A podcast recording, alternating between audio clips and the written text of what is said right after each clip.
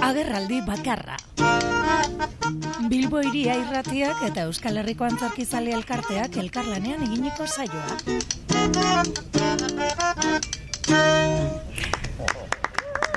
Bueno, txaloekin, txaloekin abiatzen dugu agerraldi bakar hau, ohikoetan ere, holtza gainean e, kontuak aurkezten direnean, ikuskizunak edo pieza ezberdinak batxaloak jasotzen dituzte aktoreek, baina gaurkoan liburu bat izango dugu bidai lagun, e, Euskal Herriko antzarki izal elkarteak abenduan ba, bi liburu plazaratu zituen, arestiren nazioa antzerkia, Carlos del Olmok egina, eta bestetik arrastuak antzers lanaren ba, deiabu panpin laborategiaren e, ba, testua ere plazaratu zuen. Eta gaurkoan, agerraldi bakarran, Jaime Balberde dugu bidai lagun, egunon? Aupa, egunon.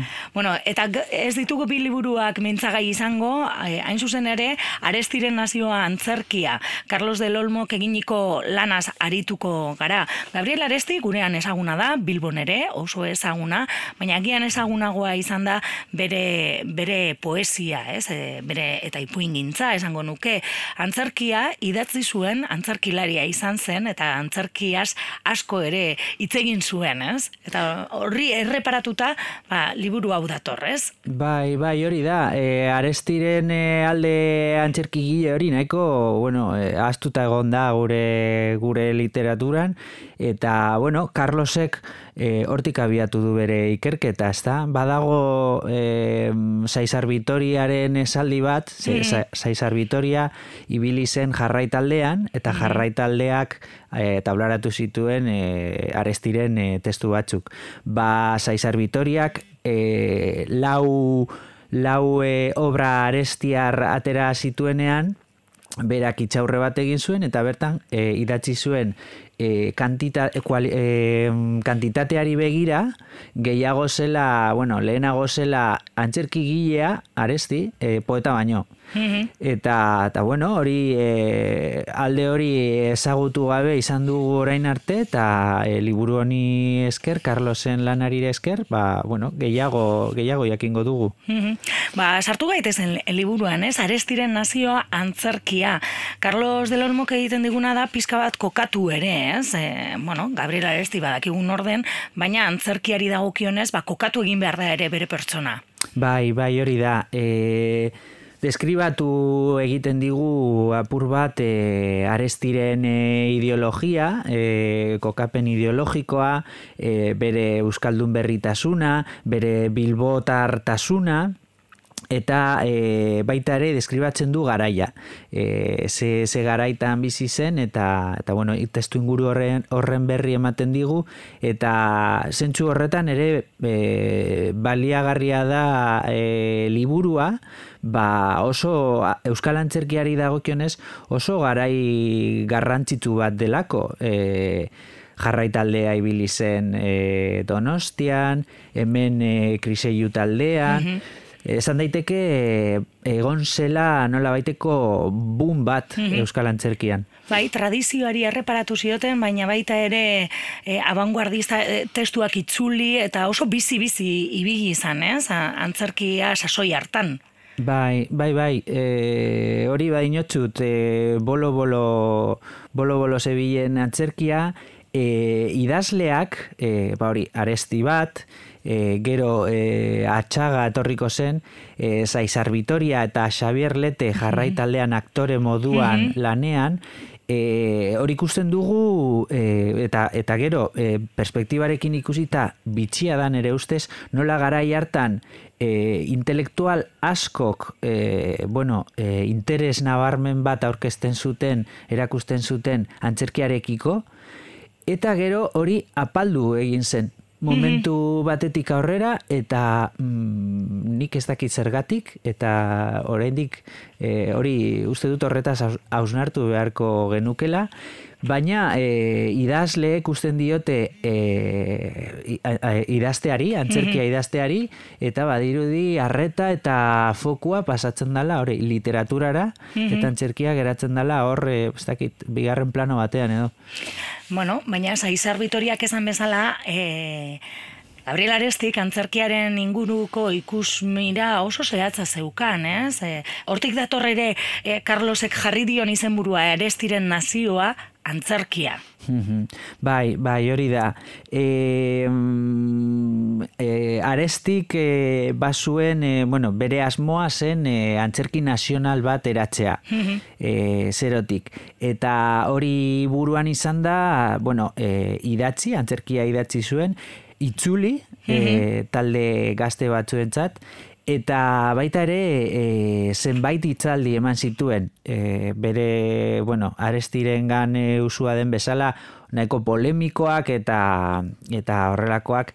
Baina e, bueno, e, e, itzaldi horietan e, berak deskribatzen zuen nolakoa izan behar zen antzerki hori. Eta pauta interesgarri asko eman zituen. Adibidez, berak e, egiten zuen e, aldarrikatzen zuen kanpoko e, idazleak bereganatu behar genituela, mm abanguardiasko autoreak eta abar, baina aldi berean e, geure kultura tradizionalaren aldarria ere egin zuen. E, antzerki herrikoia, e, pastoralak, e, eta bar, adibidez, e, berak argitaratu zuen testu zahar bat, e, tragikomeria zahar bat, e, oso e, titulo bitxia du, e, e, belistina eta e, bueno, naz akordatzen. Baina testu e, zaharra, e, eta e, bueno, oso nahiko horrelako testuak beti egon dira e, gutxietzita, e, gure intelektualek gutxietzi egin dituzte, e, eta arestik salatu zuen hori, salatu zuen e, gutxiespen hori, gutxiespen historiko hori, eta nik uste dut e, horretan ere, e, beste gauza askotan bezala, e, aresti aitzindari izan zela. Eta baita ere liburuan irakur daiteke ez, aresti ikuste zuela, ba, antzerkiarekin herria ezi egin zitekeela, eta baita ere e, izkuntzan, ez?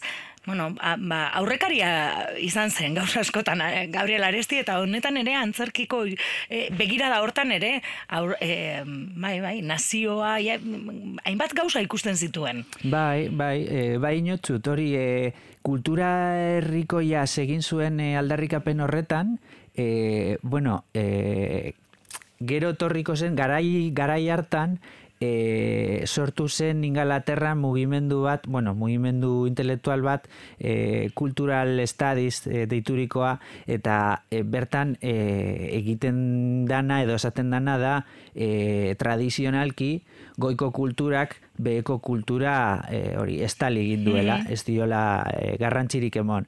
E, kultur estadiz hoiek gaur egun e, oso, oso disiplina garrantzitsua dira, eta arestik ikusten badu arestik e, garai hartan esaten zuena oso diskurtso antzekoa da.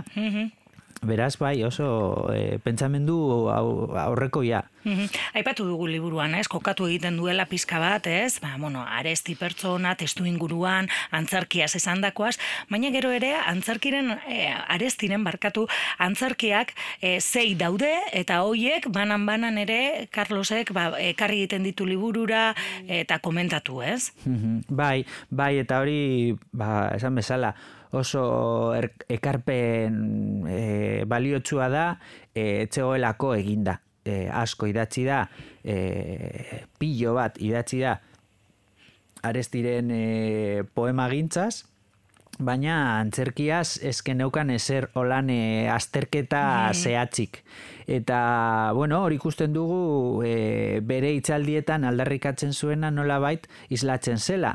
Adibidez, e, badu e, obra bat mugaldeko e, herri baten tobera edo horrelako horrelakoa da izenburua eta bertan e, kontatzen diguna da e, tobera bat e, nola, nola antzesten zen e, ba hori, e, iparralde inguruko herri batean. Hau da, e, forma tradizional bat ekarri zuen vanguardiasko e, antzerki testu batera. Horrela deitzen da, Mugaldeko herrian eginiko tobera. Mhm. Egin e, Gabriel Arestiren e, antzeslanetako e, bat, ez? E, aipatu. E, sei antzeslan horiek ere errepasatzen ditu liburuan Carlos del Olmok. E, nolako harrera izan du liburuak? Esan dugu e, Durangoko asokan argitaratu zela, eta, bueno, badira hilabete batzuk. Ba, hau e, liburu honek e, konkretoki izan duen harrera, e, oraindik ez, ez daukagu daturik, baina e, aurten antzerkia egin diren e, argitalpen guztiek, hoiek bai e, oso harrera ona izan dute. E, berez, e, uste dut... E, Holan eh, esparru literarioan nahikotxo itxe egin dela e, ba hori, e, aurten e, antzerkiak izan duen gorakada horretaz, e, izan dira e, easek ateratako biliburu hoiek, baina hori ez gain, e, oier ginanek atera du Mr. Senyora, Edo karge- argitaratu du ere gaizka zara solarena, nahi, hiru antzeslan e, batzen dituena, satorrak, eleak eta erleak, Hori da, hori da, eta beraz batu dira zenbait argitalpen e, nahiko interesgarri nere ustez, eta, eta bueno, horrek kokatu du e, antzerkia apur bat e, hori eztabaidetan eta oso gauza positiboa da. Mhm. Bueno, orain e, Euskal Herriko Antzerkizale elkarteak ere liburuak aurkezten ari da, bueno, beste patxada batekin, ez? Durangoko asoka astuta, ez? Eta hori zebera egingo duzue are ez diren nazio antzerkia liburuarekin.